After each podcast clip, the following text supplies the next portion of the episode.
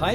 Enten du ser dette webinaret fra Help og LO Favør direkte, eller du hører en redigert utgave i Help-podden, så er målet vårt at du skal få tydelige råd om rettighetene dine når du handler på nett eller i butikk. Og vi, vi som sitter her, eh, vi heter Inger Katrine Kløvstad og Ole Grønvold Eriksen og Dag Are Børresen, alle advokater i Help. Og det som er helt sikkert, det er at eh, tilbudene de sitter ganske løst nå i anledning Black Week og Black Friday osv. Eh, det som er litt irriterende, Inn Katrine, det er når jeg oppdager at de skoene jeg kjøpte for tre dager siden, nå koster 500 kroner mindre. Og dette er nok ganske mange som lurer på. Kan jeg da gå tilbake og kreve det mellomlegget? Altså utgangspunktet ikke. Uh, det, er jo et fritt marked, og du har jo valgt å kjøpe de skoene til den prisen du gjorde. Mm. Uh, men vi opplever at veldig veldig mange butikker tilbyr prismatch, bl.a. Uh, og det er jo litt det opprettholde kundeservice, du vet det gode kundeforholdet. Mm. Så, så, gå gjerne og spør. Mm. Men, men, du har ikke et krav til det etter loven. Så, så, så det kan jo være greit å vite. Eh, og det kan jo kanskje være at jeg vet at Forbrukerrådet er jo veldig opptatt av denne type saker. Så kanskje man skulle valgt å melde inn saken der da, for å se om de eventuelt vil ta tak i det. Men da vil jo ikke det påvirke deg som kunde. Da vil det jo være bedriftene eventuelt som kanskje får en bot hvis de har drevet med lokkepriser eller lignende. Mm. Eh, dette med prismatch, eh, Ole, det er også noe som er frivillig fra butikkens side, er det ikke det? Jo, det er også frivillig fra butikkens side, og det er jo for å opprettholde det gode kundeforholdet.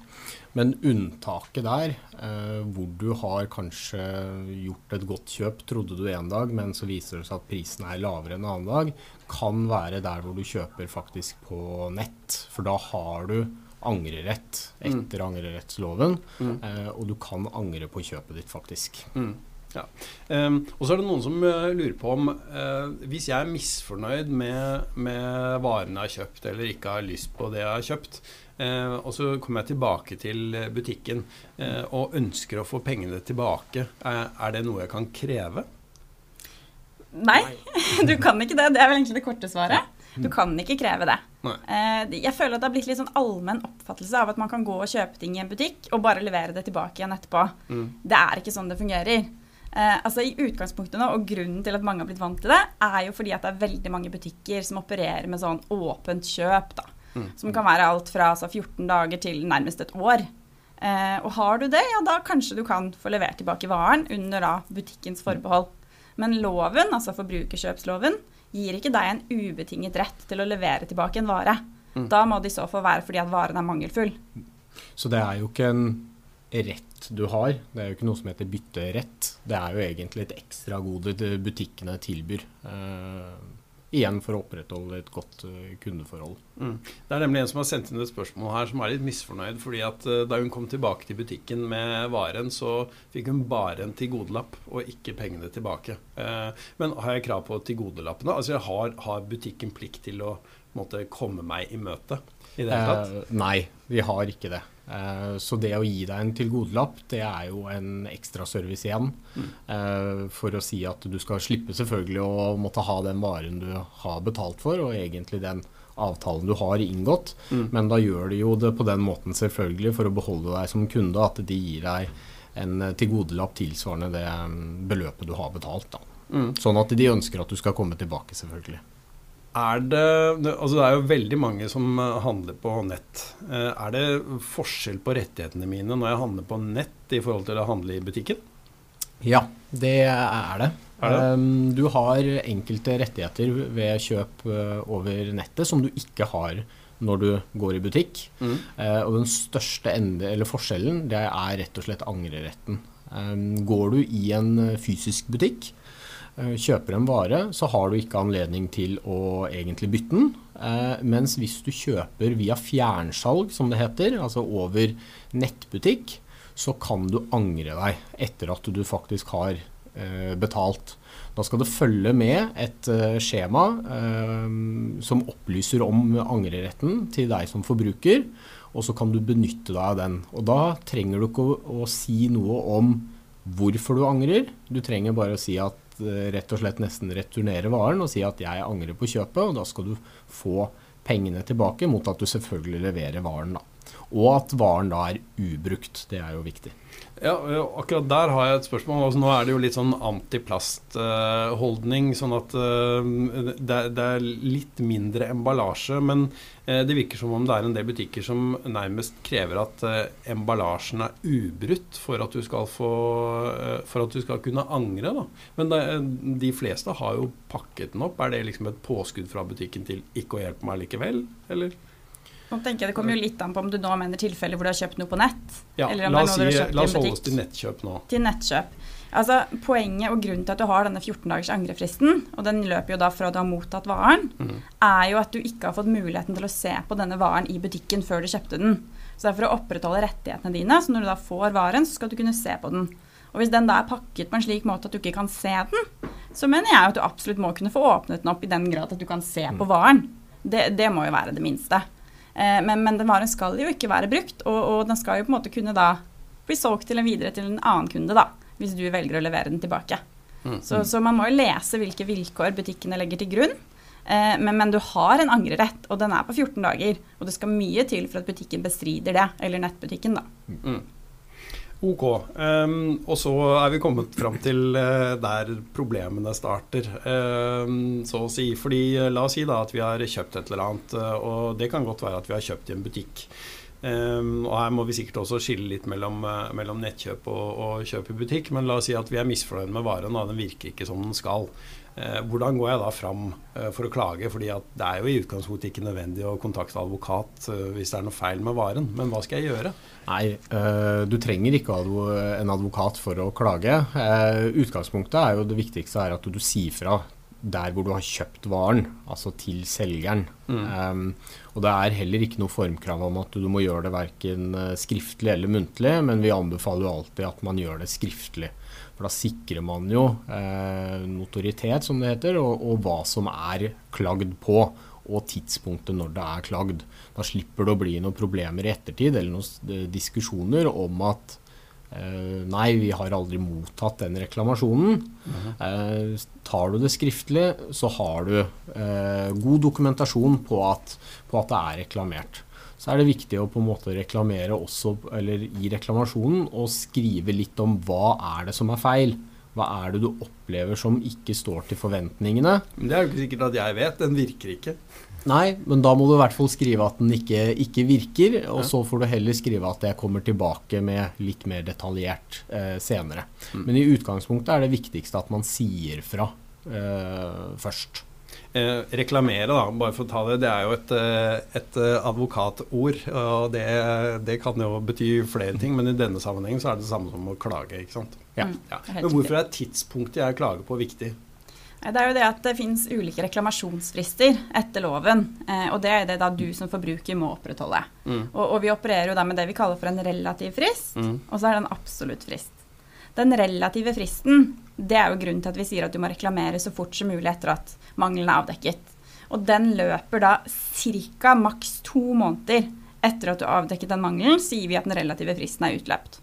Så det betyr at så snart du finner en eller annen mangel, selv om du ikke helt vet hva som er feil, så må du gi beskjed. Enten om det er til butikken du kjøpte det av, eller til nettbutikken eller annet. Og da holder det å sende en mail, f.eks. Eh, det, det er i hvert fall det jeg vil anbefale, da.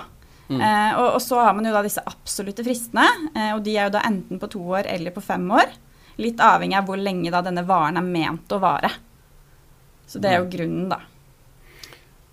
Så, så jeg kan komme inntil Altså jeg kan komme flere år egentlig etter at jeg kjøpte varen, da, men forutsetningen er at jeg oppdaget feilen for kort tid siden. Stemmer. Det er helt riktig. Ja. Og, og, tommelfinger, Unnskyld at jeg avbryter, men tommelfingerreglene må jo da være at uh, så fort du oppdager noe feil, så må du løpe til butikken og klage, egentlig. Ja. ja. Enten løpe til butikken eller gjøre det per e-post. Ja. Eh, og, og, for å gjøre det helt riktig, da, så um, har du kjøpt en vare over disk, så uh, går du kanskje naturlig ta med deg varen. Enten det er kanskje ikke vaskemaskinen, da, men la oss si at det er mobiltelefonen. da. Denne virker ikke, og så når du kommer hjem etterpå, så dokumenterer du hva du har gjort på en e-post, og da skal du kalle denne e-posten i emnefeltet for reklamasjon, gjerne. Mm. Eh, og så må du skrive sånn noenlunde hva du mener er feil med den. Er det noe mer som må være med i den e-posten da? I utgangspunktet ikke, men, men, du kan jo, hvis du allerede har vært i butikken mm. eh, og reklamert, så kan du jo bare be dem om å lage en utskrift av det du reklamerte på der og da. Så ja. slipper du jo å sende noe etterpå, for da har jo du den dokumentasjonen på plass. Så det, det gjør jeg. Eh, for da skal, ja, og da skal jo butikken eh, skrive ned hvorfor kunden har vært der. Eh, mm. og, og registrere rett og slett en sak på det. Men isteden og for å være helt på den sikre siden, så kan du be butikken om å at de videresender den uh, beskrivelsen til deg. Mm. Eh, ok, da har jeg gjort uh, leksene mine og har vært i butikken og klaget. Og jeg har eh, kanskje også skrevet en e-post, som dere akkurat har sagt. hva er det butikken skal gjøre nå, da? Da er det jo opp til butikken å vurdere, eller de vurderer og ser på produktet om det er mangelfullt eller ikke. Um, og er det mangelfullt, altså det er noe feil med produktet som ikke skyldes forbrukerens egen uh, eller ytre påvirkning fra forbruker, mm. så, så, kan du ha krav på enkelte ting. Bl.a. enten en ny vare eller at varen uh, rettes. Mm. Men eh, sett da Det er jo ikke alltid at eh, jeg eller kunden har rett, eh, dessverre. Mm. Eh, selv om vi sikkert liker å tro det. Hvis jeg ikke hadde funnet på-knappen eller lignende, eh, og butikken har brukt tid på å undersøke dette, har jeg noe ansvar her da? Ja, da er det jo sånn at butikken gjør eh, undersøkelser. Når du kommer da med om det er telefonen eller om det er en PC så tar butikken eh, den inn. Da vil du normalt få en beskjed om at eh, de undersøkelsene de nå gjør, det kan koste deg som forbruker eh, x antall kroner. Eh, fordi at de er nett, nødt til å nedlegge litt eh, tid og arbeid for å uh, undersøke om det er en mangel. Og Hvis det da viser seg at det ikke er en mangel, så vil du som forbruker uh, kunne bli møtt med et krav om å dekke kostnadene for undersøkelsene. Mm. Men det forutsetter at du har fått uh, uttrykkelig beskjed om det på forhånd. Mm. Ja, og, og, ja, ok, så, så jeg kan uh, faktisk på, være forpliktet til å betale for det undersøkelsen kostet, hvis det ikke var noe feil med varen, for mm. å konkludere. Ja. Ja. Uh, og så er jo det litt sånn policy av og til så føler jeg kanskje at butikken bruker det som trussel mot meg. At ja, greit, det, vi skal undersøke, vi, men du skal klare at det koster deg så så mye. Eh, så det er kanskje litt sånn måten dette legges frem på, da, som det går, kanskje går an å øve litt på. Det gjør det. Så man opplever at de eh, kan være litt eh, krasse innimellom på kostnadene for selve undersøkelsene. Mm. For å kanskje skal ikke si at det er nødvendigvis for å skremme til å ikke levere inn, da. Dere, har jeg krav på å låne et produkt som faktisk virker, mens det jeg har levert inn er på reparasjon? Ja, Der igjen så kommer det jo litt an på, da. Altså, man må jo først Hvor lang tid skal da gjenstanden din, la oss si en mobil, da, være inne til reparasjon? Eh, I henhold til loven, hvis den er mangelfull, og hvis du blir avskåret fra å bruke mobilen i mer enn en uke, så har du krav på en lånegjenstand i tiden den er inne til retting. Mm. Eh, men, men, det er jo ikke alltid man vet. Hvis du leverer den telefonen på en mandag, så er det jo ikke alltid butikken vet om den vil bli ferdig i morgen eller til fredag. Og, og da ville jo jeg anbefalt at hvis du da har levert den inn på mandag, og ikke har hørt noe innen fredag, så ville jeg da ringt butikken og bedt om en lånegjenstand, for da tenker jeg det er ganske klart at du ikke får en ny innen en uke, da. Eh, men, men, kravet er da en uke. Ok, Jeg tenker jo kanskje at de vet når jeg kommer på mandag at den ikke blir ferdig denne uka her, men uh, ok. det er men, men uansett, da, når det nærmer seg ukeslutt da, og jeg fortsatt ikke har fått igjen telefonen min, så har jeg krav på å få en telefon som virker. Det ville jeg fremme et krav om, da. Ok. Um, kan butikken uh, La oss si at jeg har levert inn telefonen, la oss holde oss til den. Um, kan butikken da velge hvordan de vil komme meg i møte? For jeg vil jo gjerne uh, Jeg har sikkert lyst på en ny telefon, men har jeg krav på det? Eh, nei, ikke nødvendigvis. Du har krav på en tilsvarende vare. Sånn at eh, dersom du bruker telefonen din egentlig til ringing og SMS, så ja, I dag så er det smarttelefoner som, som, gjelder, så det er jo sannsynligvis det du også vil få utlevert som en låne, lånegjenstand. Så om ja. du da leverer inn en iPhone 14 til reparasjon, så må du nok godta en iPhone 12 eh, eller 11 til, ja. som lånegjenstand. Du kan ikke kreve en, en 14. Nei, men, men, Nei, det forstår jeg. Eh, det må jeg avfinne meg med. Men det butikken da vil gjøre med den telefonen jeg har levert inn, hvordan de vil på en måte eh, gjøre opp for seg. da. Eh, kan de velge om de vil forsøke å reparere eller komme meg i møte på annet vis? Jeg vet ikke, prisavslag eller levere meg en ny telefon f.eks. Det er sikkert det jeg har lyst på mest. Mm. Ja, altså, hvis du, Prisavslag, da, hvis vi kan ta det først. Eh, prisavslag vil jo bare være aktuelt hvis du faktisk kan benytte deg av tingen etterpå. Mm. Hvis du har en telefon hvor lyden ikke fungerer, så, så vil jo ikke det kunne avhjelpes med et prisavslag. Mm. Eh, så, så, det vil jo være en forholdsmessig vurdering fra ting til ting. Eh, og utover det så er det jo i prinsippet opp til butikken og om de skal rette eller omlevere. Eh, hvis de forsøker å rette mobilen din, og det er samme mangel som de ikke klarer å rette, så har de to utbedringsforsøk før du eventuelt kan kreve omlevering. Eh, men, da er det viktig at man da kan dokumentere at de har forsøkt å rette samme mangel to ganger. Eh, og det også kan jo bli litt tvil om fra sak til mm. sak. ja, og her uh, føler jo jeg at jeg som forbruker av og til kommer til kort fordi jeg leverer inn, og så får jeg den tilbake. Og så virker den kanskje fortsatt ikke, og jeg leverer inn en gang til og får den tilbake igjen. Altså Da er det er det to rettingsforsøk um, butikken har før jeg har krav på en ny vare? Er det sånn? Eh, ikke nødvendigvis, for det må være eh, to rettingsforsøk av samme mangel. Eh, så det betyr at hvis ikke høyttaleren fungerer gang nummer én og gang nummer to, mm. og så er det noe feil med tastaturet mm. eller touchskjermen, så vil det være en ny mangel. Da må man inn på retting igjen, selv om det er gang nummer tre. Men det er en helt ny feil som de da har rett til å eh, rette ved, ved to eh, nye forsøk. Ja. Um, og så er uh, en annen ting som kan være litt irriterende for oss uh, forbrukere, det kan være hvis, uh, hvis butikkene har levert inn varen hos, da, det kan være en mobil eller det kan være en vaskemaskin eller, eller noe annet. Um, sier at ja, da må du nesten høre med eh, verkstedet eller altså reparatøren eller noen andre som de har da sendt varen videre til. For det er liksom ikke vårt problem lenger, sier de da. Hvordan skal jeg forholde meg til det? Altså I utgangspunktet, så når hvis det foreligger en mangel ved en vare, og vi nå har stadfestet det, la oss mm. si at det er vaskemaskinen, da. Da har jo du krav på at den blir rettet, og den skal rettes kostnadsfritt. Så hvis den står hjemme, så kan man ofte kreve at da forhandler kommer og henter Eh, og, og, da er det jo forhandler som vil være din kontraktspart. Det er den personen, altså personen i gåseøyne, bedriften du har kjøpt vaskemaskinen av, og det er den bedriften du kan forholde deg til. Mm. Eh, og når de da henviser deg til en tredjepart, så har du jo en sånn medvirkningsplikt når det kommer til det å da få rettet en vare. Så i utgangspunktet så kan det være uproblematisk å da forholde seg til en tredjepart, f.eks. en leverandør, produsent osv. Men problemene oppstår jo gjerne da når produsenten skylder på leverandøren, og leverandøren skylder på butikken, og butikken skylder på produsenten igjen. Det er jo det vi gjerne har mange mm. saker om. Mm. Eh, og, og, da er jeg veldig klar på det at du kan velge som forbruker hvilken part du ønsker å rette et krav mot. Og den enkleste vil da stort sett være butikken. Det er de vi har et fysisk forhold til, og, og det er de man også har inngått kontrakten med.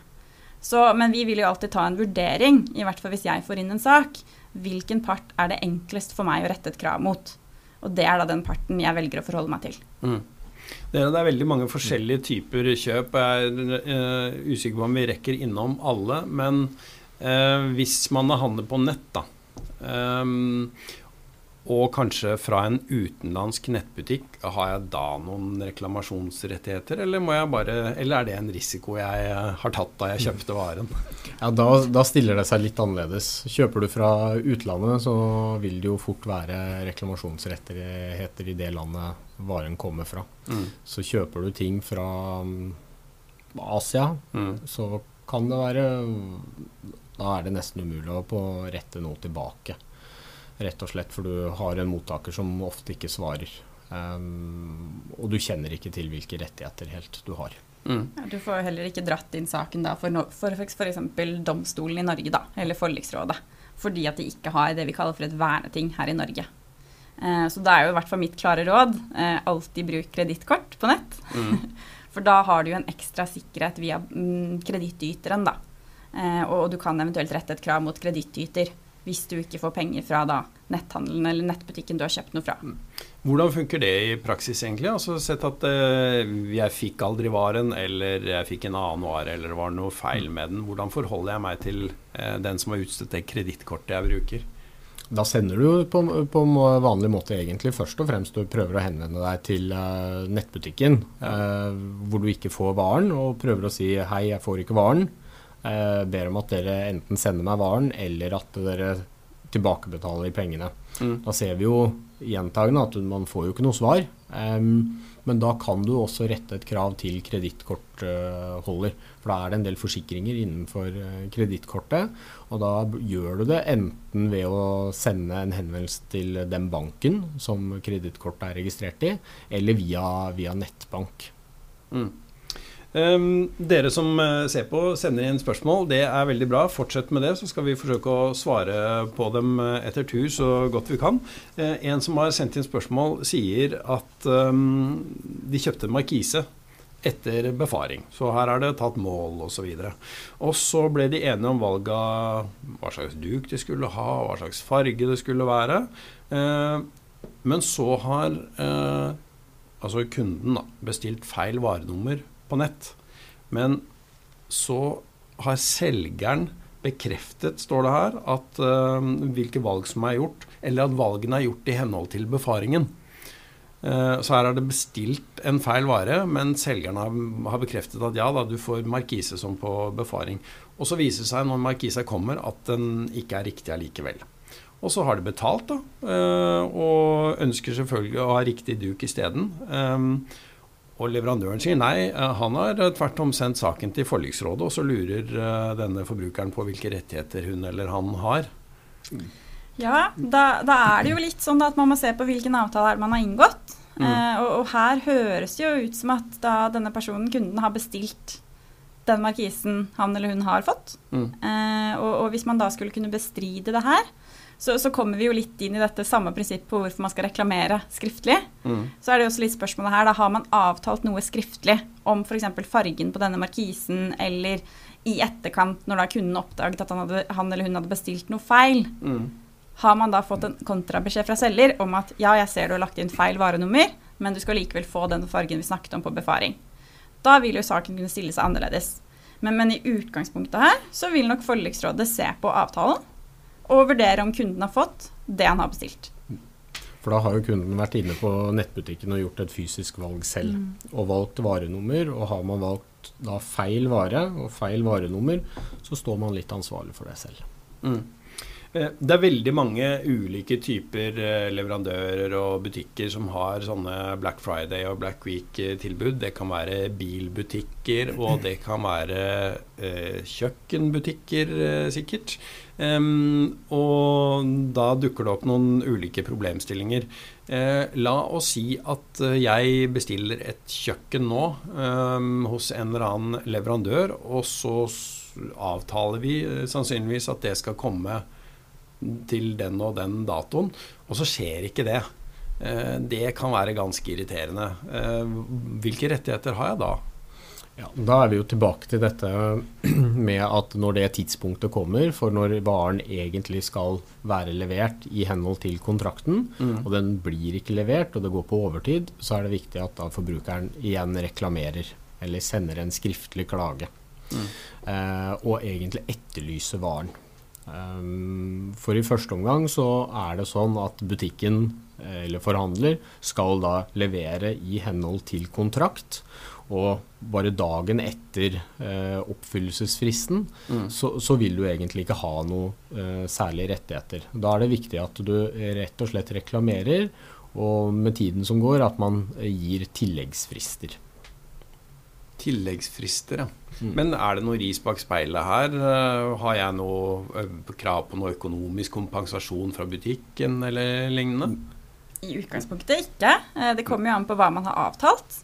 Ofte så kan man jo avtale det vi kaller for en dagmulkt i en sånn kontrakt. At hvis det kommer forsinket, så skal forbruker få kroner x per dag eller per uke. Mm. Men, men, det er ganske sjelden jeg ser det i sånne kontrakter. Eh, så, så, utgangspunktet er jo det at man må gi denne rimelige tilleggsfristen på å utlevere varen. Og hvis da forhandler ikke klarer å utlevere varen innen den rimelige tilleggsfristen, så, så kan man få rettigheter til å heve kjøpet. Mm. For da er jo ikke kontrakten oppfylt fra den profesjonelle parts side, og da kan du som forbruker tre ut av avtalen. Ja, men, men, disse klausulene her, da, som det heter, at jeg enten skal ha krav på en økonomisk kompensasjon i form av en dagmulkt eller lignende, eller har rett til å tre ut av avtalen, er det sånn som jeg må tenke på av meg selv at jeg skal få inn i kontrakten når vi inngår uh, avtalen? Det, det, er jo en god idé, da, hvis du ønsker å formalisere mer i kontrakten. Uh, men, men, det er jo ikke noe krav sånn sett. altså Man må jo vurdere saken litt fra altså, tilfelle til tilfelle, da. Men dagmulkt vil ikke fremgå direkte av uh, Sannsynligvis ikke av en standardkontrakt, og vil heller eller fremgår heller ikke av loven. Sånn at uh, dersom det blir levert på overtid, så har, medfører ikke det noe automatisk krav om noe dagmulkt. Mm. Det gjør det ikke. Da må man avtale det eksplisitt og få det inn i kontrakten. Men hvis det er sånn at det går langt, langt, langt på overtid, og de klarer ikke å levere i henhold til tilleggsfrister, så kan det gi mulighet for eh, enkelte det som heter misligholdsbefølelser. Det ene var nevnt at man kan kreve heving, mm. men eventuelt også erstatning. Hvis det viser seg at man faktisk har et økonomisk tap. Da. Det er det som vil bli vanskelig. Ja. Eh, det er veldig vanskelig å dokumentere et økonomisk tap. Og, og, i Norge så kan du ikke få erstatning for det vi kaller for tort og svie. Det, det, får jeg veldig ofte spørsmål om, og jeg vet at det er veldig mye saker med særlig kjøkken bl.a. hvor man kan klage i mange måneder og leveranser blir forsinket osv. Mm. Men, men vi kan aldri få erstatning for det ikke-økonomiske tapet, da. Eller tort og svie, som vi mm. kaller det. Så selv om det er uh, stygt og jeg blir blenda av sola osv., så, videre, så er det vanskelig for meg å påstå at jeg har et økonomisk tap fordi at en markise f.eks. da ikke kommer i tide. Mm. Ja. Eh, eller at du må grille hele sommeren fordi at du ikke har kjøkken. ja, ok. Men um, er et um, eller en type vare da, eller kontrakter hvor det virkelig er forsinkelser for tiden, det er jo biler, og særlig elbiler. Hvordan, hva står det i de kontraktene da, om når varen skal leveres? Ja, der er, det, der er det jo blitt veldig De har vel endra en del av sine kontrakter den siste mm. tiden. Um, oh, ja. Hvor de ikke har fastsatt noe konkrete datoer eller konkrete måneder for når bilen kan anses som levert. De har veldig åpne eh, leveringstidspunkter som nettopp gjør det at de har mulighet, altså at bilforhandleren har mulighet til å forflytte. Og det medfører nødvendigvis ikke en forsinkelse, fordi eh, det er forsinkelser på alt. Altså mm. alt av materialer. Eh, og det er etter hvert blitt allmennkjent at det, det er vanskelig å få tak i disse nye elbilene. Ja, Så butikken er fri for forpliktelser, og jeg må bare finne meg i å vente. I utgangspunktet. Ja. altså Jeg kan ikke si helt konkret og helt generelt, men, men, et utgangspunkt der jeg spør ofte er bilen din forsinket. Fordi det blir gjerne litt sånn stridens kjerne. Og stort sett da så er det ikke avtalt en leveringstid. Det mm. står kanskje medio 2023. Og da er spørsmålet hva er medio 2023? Mm. Og så da i første halvdel av 2023 så sender forhandlerne en beskjed. Mm. Hei, beklager, bilen kommer ikke før i slutten av 2023. Og da har jo de varslet deg innen mm. rimelig tid om at bilen kommer enda senere enn forventet. Men det er fremdeles ikke avtalt noe leveringstid. Så, og da vil man jo gå inn og se på kontrakten, eh, og det er jo også et spørsmål jeg får veldig mye. Og det er jo det da, hva skjer hvis du vil tre ut av denne avtalen, fordi mm. du aldri vet helt når du får denne bilen. Eh, og stort sett da, i de fleste kontrakter, så er det sånt bruddgebyr som har kommet inn. Og det er jo på en 10 eller 15% Og jeg får ofte spørsmål om det er lov. Mm. Og ja, det er det, fordi at du har jo da valgt å signere denne avtalen selv. Eh, og et tips fra meg kan jo være altså disse selgerne og bilselgerne er ofte veldig villige til å forhandle disse kontraktene. Og, og det er ikke vanskelig å fjerne den klausulen hvis man vil det. Så det kan være et veldig godt tips fra meg før du inngår en sånn avtale. Mm. Og hvis du har ønsker å tre ut, og du er litt usikker på om det er noe bruddgebyr eller ikke, så er jo tipset alltid å prate med bilforhandleren. Mm. Prøve å se etter om det går an å finne en løsning. Mm. Men uh, uansett hva dere avtaler, få det skriftlig. Helt det er vel eh, ganske vesentlig. Og, og, med skriftlig. Det trenger ikke være masse vitner og på glanset papir og sånn. Det holder med e-post, ikke sant? Det er mer enn tilstrekkelig. Ja, ikke sant. Eh, hei, jeg vil oppsummere hva vi ble enige om i butikken i dag. Eh, jeg skal slippe å betale bruddgebyr hvis jeg eh, ønsker å tre ut av kontrakten sikkert etter en eller annen dato. Et eller annet sånt, så har man vel sitt på det noenlunde på det tørre iallfall den dagen det virkelig begynner å Du virkelig blir utålmodig, da. Absolutt. Ja, og bilen ikke dukker opp. Og bilen ikke dukker opp. Um, mens vi er inne på uh, frister og betaling og sånn, det er en som lurer på uh, når vi mottar regning for en tjeneste, hvor lang er betalingsfristen normalt da? Da har han tydeligvis uh, fått, fått betalingsfrist på 48 timer. Det hørtes litt snaut ut, syns jeg. Ja. Um, loven legger ikke opp til noe betalingsfrist, uh, eller at det er en viss lengde som, er, uh, som skal settes på fakturaer. Mm. Så der kommer man jo litt tilbake til det, hva er det som er avtalt. Og er det ikke avtalt noe, så, så er det jo ikke feil av tjenesteyteren å sette eventuelt 48 timer. Men rent litt mer etisk så er det jo litt kort betalingsfrist, da. Mm. Det, det, det, kan nok hende at det går an å sende en melding til den tjenesteyteren og, mm. og, høre hvis man trenger noe utsatt betalingsfrist. Mm. Eh, vanligvis så vil jeg jo si at man kanskje gir en 14 dager frist hvis vi skal gi en sånn generell betalingstid. Men, men det er jo som Ole sier her, det er ikke noe lovfestet eh, hvor lang den betalingsfristen skal være. Men sett at uh, det jeg da får betaling, uh, eller får faktura på, med betalingsfrist om 14 dager, uh, sett at det er en ganske kostbar vare. Eh, så kanskje ikke det helt eh, passer i forhold til lønnsutbetaling og sånn. Eh, kan og jeg ikke kan betale akkurat innen 14 dager, men kanskje det går fire-fem dager til, da. Har jeg, plikter jeg da å betale et sånt purregebyr osv. hvis butikken da sender meg en ny faktura? Ja, altså hvis du, hvis du ikke betaler, ikke gir beskjed, og de sender deg en purring, mm. så vil du jo mm, bli pliktig et purregebyr også. Mm. Uh, men der er det igjen ta kontakt med den som har utstedt fakturaen, og heller forklare situasjonen og spør om er det greit at jeg heller betaler fem dager på overtid. Mm. Og da får du eh, normalt beskjed om at ja, det går helt fint. Og så betaler du i henhold til det dere da har blitt uh, enige om. Ja, Så snakk med butikken. Det er det, er, det gode rådet. Ja. Ting ordner seg stort sett ja. Um, dere som ser på, stiller gode spørsmål. Uh, vi skal ta for oss uh, noen av dem. Um, for det er jo flere involverte når jeg kjøper varer i en nettbutikk. Det er jo noen som skal frakte den varen fra A til B. Hva hvis Posten eller andre roter bort den varen? Hvem har egentlig ansvaret for det? Ja, det, jo, det går jo litt på når anses varen for å være levert. Eh, og, og, hvis du bestiller noe på nett og skal mm. få noe levert hjem til deg, eller for så vidt bestiller noe i en butikk, så, så, vil da varen anses som levert når den er kommet frem til deg som forbruker.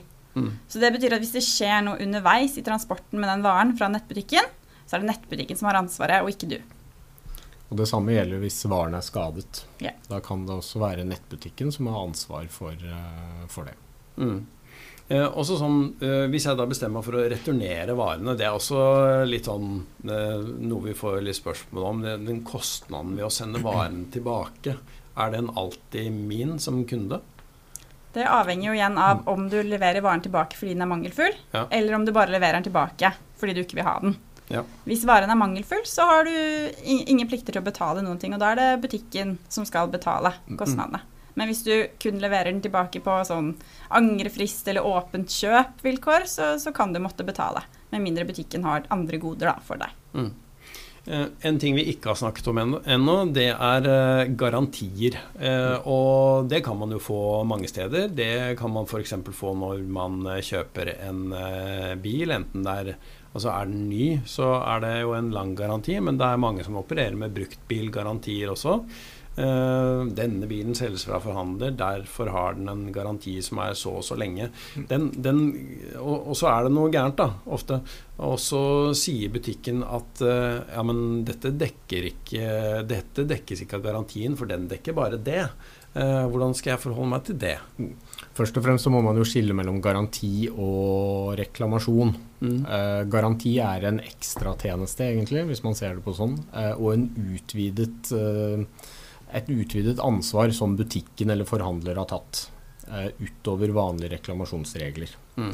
Eh, og om en feil eller en skade eller hva det skulle være, er omfattet av garantien, det kan man lese ut av garantibeviset, eller garantibeskrivelsen. Så har du kjøpt en uh, bruktbil f.eks. og tegnet en ekstra garanti på tre måneder, seks måneder, hva det skulle være, så ligger det ved ganske tydelige retningslinjer og vilkår for hva som omfattes av garantien og ikke. Og da ser man da opp mot den skaden som har oppstått innenfor garantiperioden, selvfølgelig eh, opp mot garantibeviset og sammenligner det her. Er det samme eh, skade som omfattes av garantien? Omfattes det av garantien, så skal forhandler eller den som har påtatt seg eh, garantien, svare for kostnadene. Så langt det fremgår av vilkårene. Og så er det da viktig å tilføye hvis det da ikke skulle omfattes av garantien, så vil man jo da foreta en alminnelig mangelsvurdering etter f.eks. For forbrukerkjøpsloven. da. Mm. For der igjen vil det jo da være, hvis det er en mangel etter forbrukerkjøpsloven, så vil jo igjen da forhandler ha ansvaret for å rette kostnadsfritt. Men da blir det jo en grundigere vurdering, og den vurderingen må man jo ikke foreta hvis den omfattes av garantien. Mm. Ja, for jeg har jo hørt det der med at ja, men du skjønner det at det er bare ett års garanti på den varen her. Eh, og nå er vi uh, ett år og to måneder eh, siden du kjøpte den, så dessverre så gjelder ikke garantien lenger, så jeg kan ikke hjelpe deg. men da er det viktig å huske på at garantien er alltid noe som gjelder utover de rettighetene du har etter loven. Altså etter forbrukerkjøpsloven. De begrepene blir veldig ofte blandet. Så, så det er viktig å huske. Altså en garanti er noe ekstra, noe i tillegg du får ved et kjøp. Mm. Eh, rettighetene dine etter loven, de har du uansett. Mm. Mm. Eh, og nå slenger vi jo rundt oss med mangelsbegrepet, men en mangel, det vil da altså eh, Det kan man jo også være enig eller uenig om at denne varen eh, har en mangel, men eh, og, og, for at den skal ha en mangel, så, så krever det at den ikke virker sånn som den er forutsatt å virke. Eh, er det en OK beskrivelse? Ja, eller at den ikke virker sånn som den skulle virke etter avtalen, mm. f.eks. Det er jo en del sånne ulike spesifikasjoner. For, en, ja, for enhver skade eller enhver feil på en ting er ikke nødvendigvis en mangel. Det kan være skader som forbruker selv har påført uh, varen, eller det kan være hvis man er, ja, alminnelig slitasje hvis man er tilbake til en, uh, til en bruktbil. Uh, og Eksempelet der er jo gjerne bremser, bremseskiver. Altså kjører man bil, så bruker man bremsene daglig, mm. eller hver gang man setter seg inn i bilen. Og da er det helt naturlig at bremseklosser og bremseskiver de, eh, de blir slitt uh, med, jevne, med, jevne mellomrom. Mm. Og på et eller annet tidspunkt så må de byttes. Og hvis de må byttes på en bruktbil som kanskje har gått 150 000 km, de har aldri vært byttet, så vil det i 99% av tilfellene ikke være en mangel, fordi at det er helt alminnelig slitasje. Eh, og noe man faktisk må eh, påregne som naturlig vedlikehold. Ja, det må man uh, dessverre betale for selv. ja. ja, ja. Men så Nå har vi jo sagt litt om hvilke rettigheter jeg har som forbruker. Um, men så hender det jo, da, eh, ikke så sjelden heller, eh, dessverre, at eh, vi blir ikke enige med enten det er nettbutikken eller butikken. Um, og vi føler kanskje at vi snakker for døve ører osv. Vi kommer ingen vei. Hva skal vi gjøre da? Nei, da har du egentlig flere alternativer. Du har utenrettslig mekling går an, hvor partene kan få hjelp av en tredjepart. Um, man har Forbrukertilsynet, som også er en meklingstjeneste. Mm. Uh, hvor det er Forbrukertilsynet som uh, arrangerer en form for uh, mekling. og så har man forliksrådet, for de tilfellene sakene egner seg for det. Mm. Da må man bringe saken inn for forliksrådet, som også er en meklingsform, men hvor også forliksrådet har en adgang til å avsi en dom hvis partene skulle ønske det, og forliksrådet er kompetente. Da vil den dommen eventuelt være rettskraftig for, eh, for begge parter. At man mm. må følge.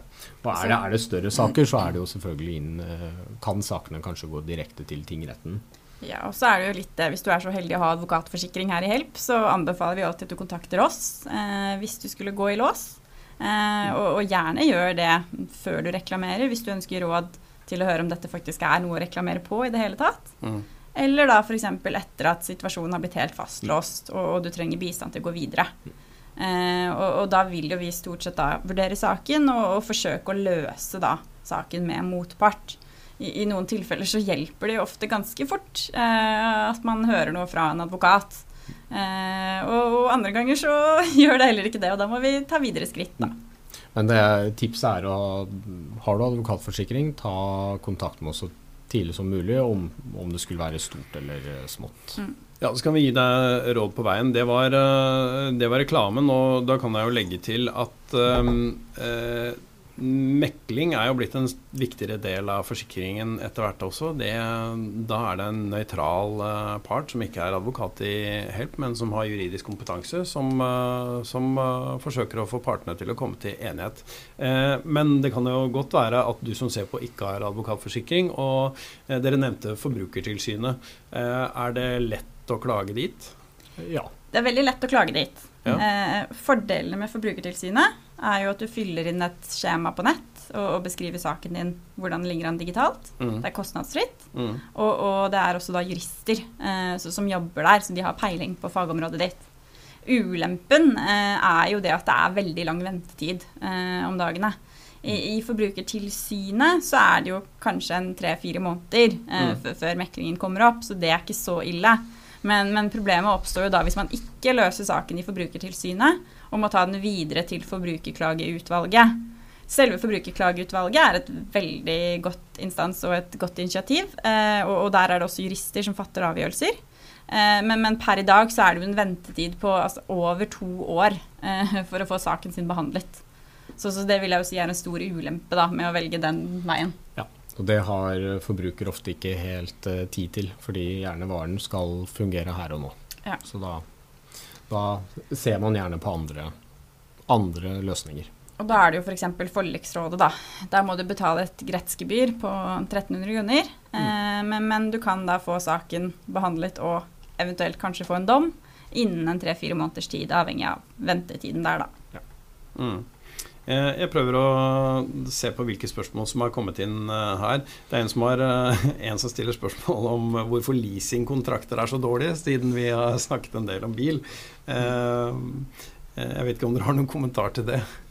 Altså, på et generelt grunnlag, eh, ikke, ikke, inngå en dårlig kontrakt. Det er vel kanskje det beste rådet mitt. Ja, og, og leasingselskapene har tatt veldig mye forbehold. Og vi ser kanskje det som er en gjentagende eh, et gjentagende spørsmål der, og en problemstilling mellom forbruker og leasingselskap, er gjerne at man skal betale for de skadene etter endt leasingperiode. Mm. Og da ender man opp ofte i en uh, diskusjon om hva som er normal slitasje, og hva som er uh, skader. Og man kan jo tenke at det er helt uh, ja, Det er helt åpenbart hva som er normal slitasje. Men leasingselskapene, de, de krever for alt. Mm. Selv om at bilen har gått uh, tre år på sommerdekk, og dekkene er litt mer slitt enn hva som mm. man skulle forvente. Så Det er rett og slett en regning jeg som eh, leasingkunde da bare må ta høyde for. At når jeg leverer den inn, så leverer inn bilen, så kommer det til å komme en ekstra kostnad her? Ja, Det bør man kanskje ta høyde for at kommer til å skje, men om du eh, er pliktig til å dekke det, det er et annet spørsmål. Mm.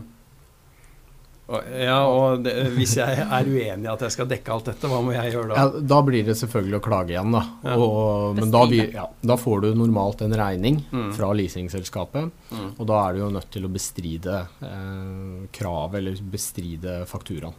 Ja. Og si at dette er jeg ikke enig i. Her høres det ut som jeg kommer til å ta kontakt med advokaten min hvis uh, det skulle se. Um, og så er det um, en som spør, uh, har et spørsmål om en uh, nettbutikk igjen. jeg kjøper sko fra norsk nettbutikk, og så kjøper den norske nettbutikken sko inn fra Kina, og så passer ikke disse skoene, så jeg vil returnere dem. Um, og så sier den norske nettbutikken at man må returnere skoene til Kina. Um, har de lov til å si det? Skal man ikke returnere sko til norsk nettbutikk, er spørsmålet. Jeg tenker jo Spørsmålet her blir jo er den nettbutikken norsk. Eh, det, det, tror jeg man må ta et liten kikk på, på. Det står mm. gjerne retningslinjer og vilkår nederst på disse sidene på nettet. Ja. Eh, ofte da så opplever jeg at selv om de står på norsk, er .no nettside, så kan de være registrert i Kina f.eks. Mm. Og da har du jo inngått kontraktspart med et kinesisk selskap. Så, så, det vil jo være det første du må undersøke. Oh, ja. Men hvis det er et selskap som er registrert i Norge, så har du jo kjøpt noe fra Norge, og, og, da vil jo det samme prinsippet gjelde som der vi var inne på i stad. Når du kjøper en vare fra en butikk, og de viser deg videre til produsent, så kan du velge selv hvilken part du vil gå på. Og mm. da vil jeg jo selvfølgelig velge den norske nettbutikken. Og da tar du jo rette krav mot dem. Så det er ikke sånn at jeg er trygg hvis det står NO på den eh, butikksiden jeg er inne på? Nei, det er du ikke. Ai, ai, det var leit. Um, hva da hvis um, Altså, nå, nå, har vi sagt litt om hvordan man klager til Forbrukertilsynet, og uh, at, det er, uh, at man må påregne ganske lang ventetid for å få saken sin avgjort der. Hvis man uh, velger å kontakte advokat, da, hva er liksom gangen videre i min sak da? Nei, altså Gangen er først og fremst at man uh, må jo vurdere hvilket spørsmål er det kunden eller klienten har. Mm. Uh, og så må man se hva er det kunden ønsker å oppnå. Mm. Um, når man har fått kartlagt det, så ser gjerne advokaten opp mot det juridiske. Først og fremst er det en mangel her, og hva er sannsynlig å oppnå. Um, opp mot det kunden ønsker. Er det sannsynlig å oppnå det kunden ønsker, eller ikke? Og eventuelt må man moderere seg. Mm. Eh, og foreligger det en mangel, så, så, vil jo eh, advokaten kunne bistå med å sende da krav til eh, kontraktsparten. Men uh, La oss ta et praktisk eksempel. Da. La oss si at jeg har kjøpt en bruktbil, og så har jeg en sak. Det, er, det oppsto en feil ved denne bilen som det koster 50 000 å rette. Uh, og det er ikke noe jeg kunne ha forutsett, for bilen har ikke gått så langt. Så vi mener at uh, når jeg har rådført meg med dere og kommet til at ja, dette her har du et krav, hva er liksom den videre gangen da? Ja, Vi vil jo først da få innhentet en tilstandsrapport. Uh, ja. For det er jo sånn at jeg som advokat vil alltid kunne vurdere loven, men jeg kan aldri se på en bil og si om den er mangelfull eller ikke. For det er ikke min, inni mitt kunnskapssfære. Nei. Så vi får inn en, sånn til, en rapport som sier litt om hva er faktisk feil med bilen. Hvor mye vil det koste å rette?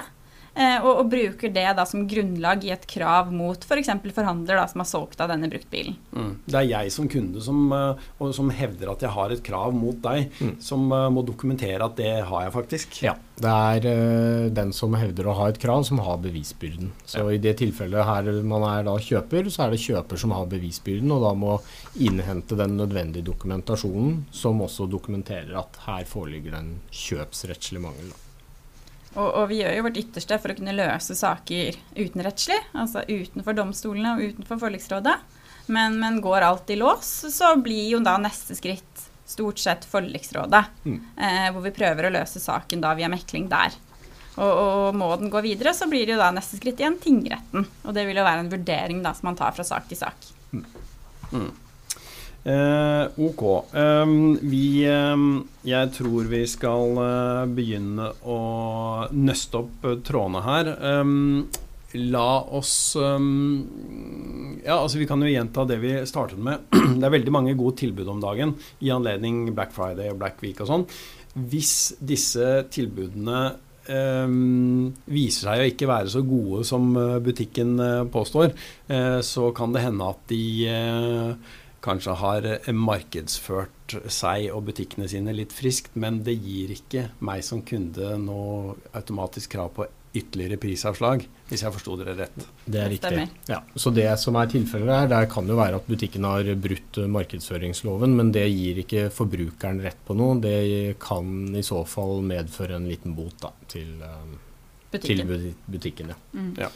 Så det som er tipset der for å prøve å unngå å havne i den fella, er nettopp å bruke disse tjenestene som prisjakt, prisguiden, for å se prisutviklingen. Hvordan varen har vært i pris det f.eks. det siste året. Mm. Og Da kan man se at ja, siden oktober så er varen skrudd opp i pris.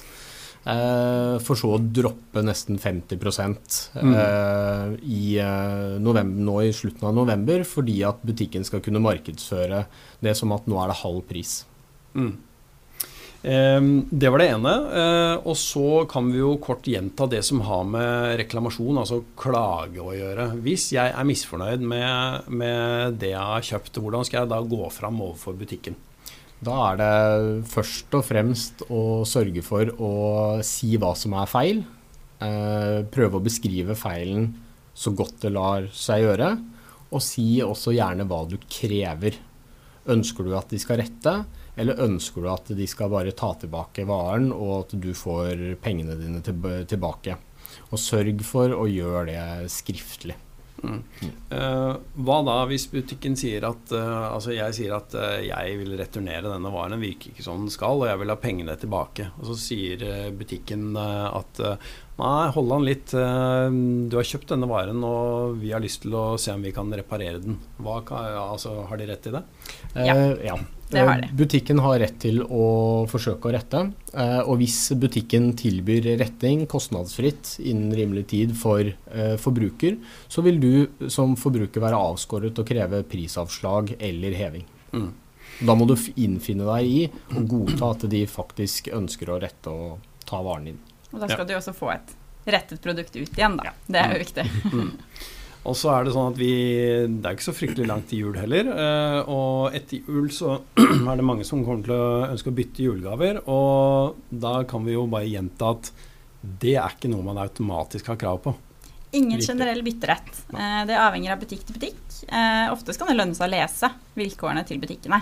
Men, men, det er veldig veldig mange, og det er derfor det ofte er en generell oppfatning av at vi har en sånn bytterett, fordi at det er veldig mange butikker som tilbyr dette. Men, men, det er jo varierer fra gang til gang, og det er jo ikke alltid du har krav på pengene tilbake. Noen ganger så kan du få en tilgodelapp. Mm. Så tipset der er du og skal handle julegaver. Eh, litt usikker på om størrelsen passer, eller om gaven i hele tatt faller i smak. Spør om en byttelapp. Mm.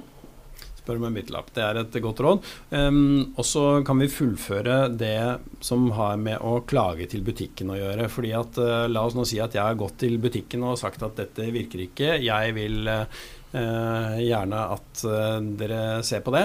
Og så sier butikken ja da, det skal vi gjøre. men dere vil når jeg kommer hjem, så skriver jeg en liten e-post til butikken for å dokumentere hva jeg har gjort, og hva vi har blitt enige om i butikken.